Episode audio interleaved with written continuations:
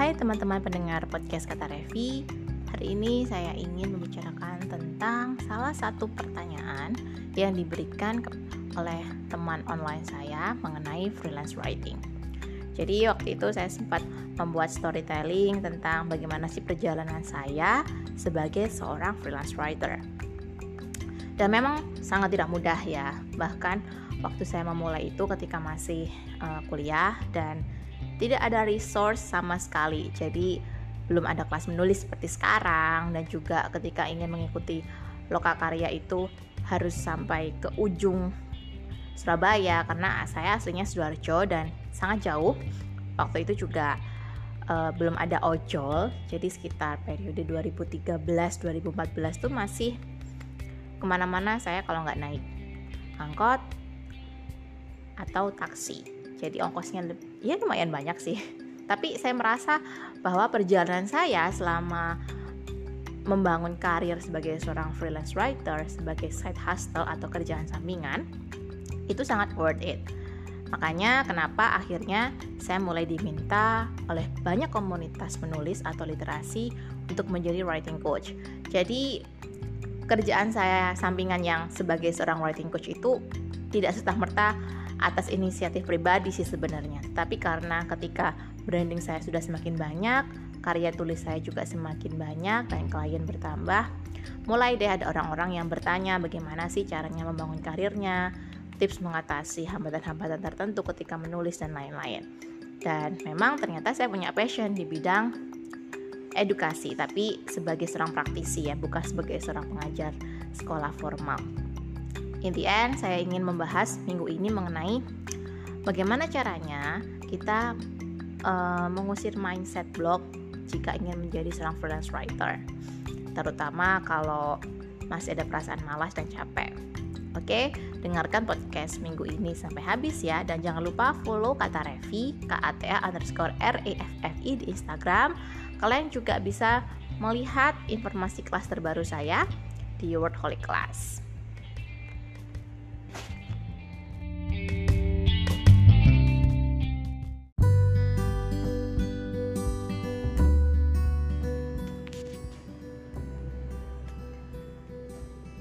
Tempo hari ketika saya membuat storytelling mengenai perjalanan saya sebagai seorang freelance writer, ada seorang kawan penulis yang bertanya seperti ini.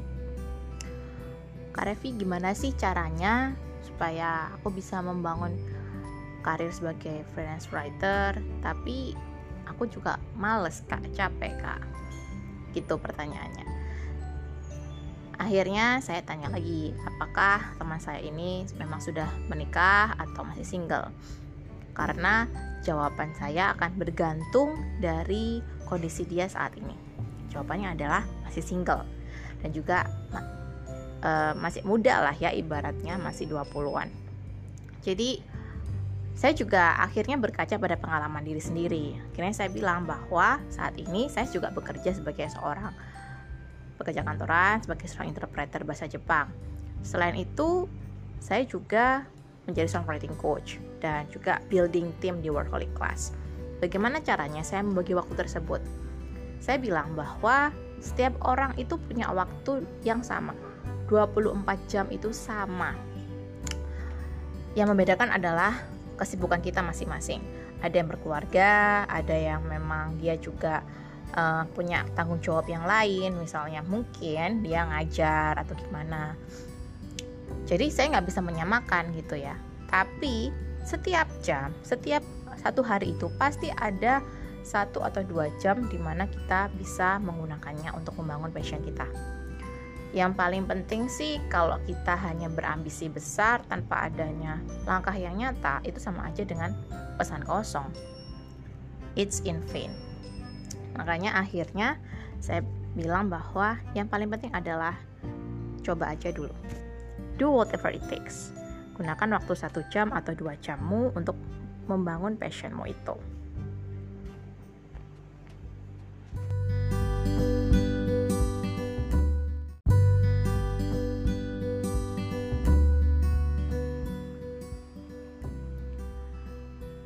apakah dengan memegang uh, sebuah idiom atau semangat do whatever it takes atau ya lakukan aja gitu apa pun yang terjadi berarti itu sebuah langkah yang tidak rasional yang perlu kamu ketahui ketika kamu sedang ingin membangun karir sebagai seorang freelance writer entah sebagai seorang penulis fiksi freelance yang bergabung di platform bekerja sebagai seorang content writer, copywriter, apa pun itu kalian harus tahu bahwa semuanya dimulai dengan mengalahkan keraguan di dalam diri sendiri.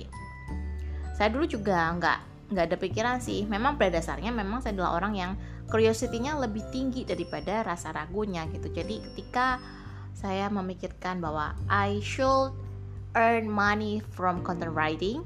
Jadi ketika saya sudah punya ini ya punya keinginan untuk bisa menghasilkan uang dari content writing, akhirnya saya juga nggak peduli gimana caranya padahal waktu itu di tahun 2013 2014 saya nggak nggak punya akses uh, seperti sekarang ya kita kan banyak sekali kelas online kemudian komunitas-komunitas nulis loker-loker sebagai content writer. Yang saya lakukan adalah saya menghabiskan banyak waktu untuk surfing di Facebook mencari agensi dan lain-lain. Akhirnya ketemu sebuah agensi yang ada di Facebook dan juga uh, sedang buka lowongan mereka juga memberikan list bahwa mereka akan memberikan topik-topik yang saya juga nggak tahu topik apa tapi saya saya lamar aja karena I need money. Dan juga waktu itu saya lihat walaupun uh, fee-nya cuma 15.000 untuk 1000 kata minimal ya it's okay gitu kan. Karena saya juga belum punya pengalaman. I don't have any resume or curriculum vitae gitu ya. Jadi saya nggak punya yang namanya pengalaman atau jam terbang. Cuma saya memang suka nulis. Jadi saya sadar diri gitu. Saya nggak mau tiba-tiba meminta bahwa saya harus dibayar per artikel 50 ribu. It's it doesn't make sense. Jadi itu nggak masuk akal. Makanya akhirnya singkat cerita saya mulai dari 15 ribu kemudian uh, saya menemukan ada kelas menulis writerpreneur di Inscript Kreatif dan saya ikut ikut challenge ngeblok satu bulan.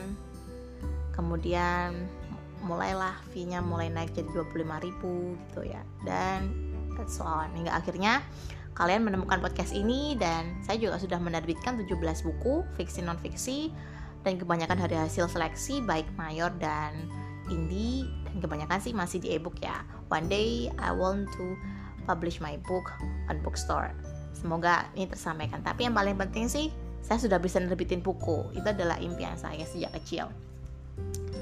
Dan menjadi seorang profesional content writer serta copywriter untuk startup.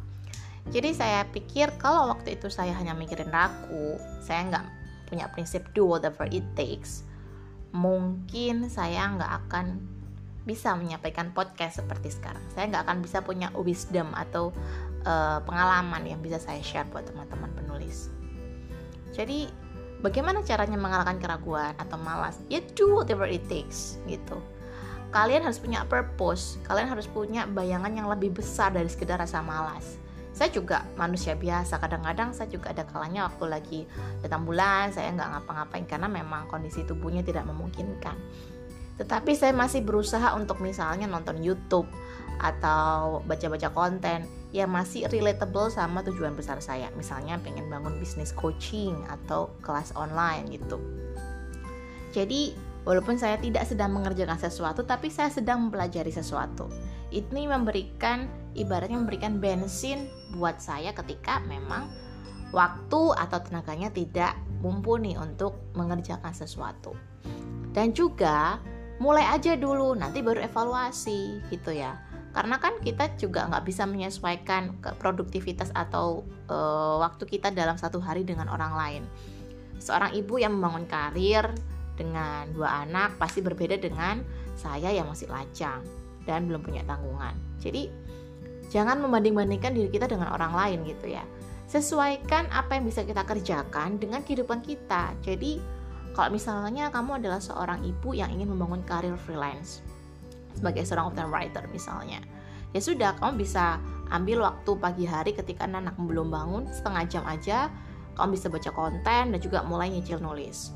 Kemudian kamu juga bisa ikut uh, atau membeli buku tentang content writing. Mulailah untuk ikut komunitas-komunitas. Jadi yang sebelumnya kamu pakai untuk scrolling nggak penting menggosip di grup WhatsApp sekarang lebih baik kamu gunakan untuk me, ini ya ibaratnya membaca atau menonton konten-konten yang mendorong mimpianmu jadi it's okay gitu. Nggak perlu kamu startnya sama dengan orang lain. Tapi yang paling penting kalau kamu udah dengerin ini kalau kamu masih males itu itu salahmu sendiri gitu kan. Berarti tujuanmu itu nggak sekuat yang kamu bayangkan. Aku cuma pengen. Aku hanya ingin. Ingin saja tapi kamu tidak punya passion untuk menuju ke sana. Passion it's important tapi tujuannya juga penting. Kenapa saya ingin menjadi seorang penulis? Karena saya memang ingin menjadi seseorang yang inspiring gitu ya. I want to share but I I also want to earn money from my sharing. Jadi kalian juga bisa dong membedakan gitu ya. Tetap ada value di dalam konten-konten saya yang gratis seperti podcast ini atau blog. Tapi kalau kalian ingin mendapatkan lebih, gaining more information atau discussing with me, jadi ya memang kalian harus spend money gitu ya. Ada harga untuk sebuah ilmu. Saya juga mengalami hal itu. Saya mendapatkan banyak sekali konten-konten gratis dari para coach, tapi ketika saya tahu, wah, I want to dig deeper, saya ingin belajar lebih dalam, menggali lebih dalam, maka saya juga membayar untuk ikut kelas mereka. Ya sesuai dengan budget saya. Kalau nggak sesuai budget ya saya cari kelas-kelas lain yang bagus dengan harga lebih terjangkau. Tenang aja, internet itu sudah semakin luas ya. Jadi kalau kalian tidak menemukan resource yang bagus, mungkin kalian kurang riset, mungkin kalian kurang lama untuk mencari gitu kan. Jadi eh, menurut saya bahwa sebenarnya kita tuh sudah punya segalanya di dunia internet ini. Tinggal kamunya harus punya purpose yang kuat dan juga mau mulai belajar untuk arrange waktu, untuk managing energi dan lain-lain. Kamu bisa dengerin uh, tentang apa yang saya ucapin misalnya soal mengatur energi dan lain-lain di podcast ini. Kamu bisa scroll gitu ya. Mumpung belum 200 episode jadi biar nggak males gitu. Oke, jadi inilah uh, podcast saya minggu ini. Semoga kamu jadi punya purpose, kamu juga di uh, mau mulai berlatih, terutama kalau kamu ingin menjadi seorang freelance writer. Tidak ada waktu untuk kata malas. Yang paling penting adalah tumbuhkan rasa ingin tahumu. Jadilah anak kecil ketika kamu sedang belajar. Jadi nggak masalah kalau sekarang gagal. Belajar lagi gitu ya. Untuk menjadi seorang pembelajar itu grow your enthusiasm, tumbuhkan antusiasme, rasa ingin tahu dan semangat untuk belajar walaupun ada kegagalan. Thank you karena sudah mendengarkan hingga akhir. Oh ya, saya juga punya kelas dua kelas yaitu kelas fiksi dan juga uh, kelas storytelling untuk membangun brandingmu supaya kamu bisa dapat cuan. Jadi yang pertama uh, harganya sekitar 90.000 webinar satu hari kelas fiksi dan yang kedua adalah kamu beli buku saya yang judulnya antologi True Story bukan gagal biasa. Jadi ini adalah antologi bersama penulis-penulis yang lain ikut kelas. Dan mereka sudah saya latih dan menjadi sebuah buku yang menarik. Jadi uh, harganya cuma 67.000 kamu bisa dapat akses buku dan juga kelas gratis. It's worth for your money. Oke? Okay? Sampai jumpa di podcast kata Revi berikutnya. Oh ya, informasinya nanti ada di deskripsi juga ya. Thank you.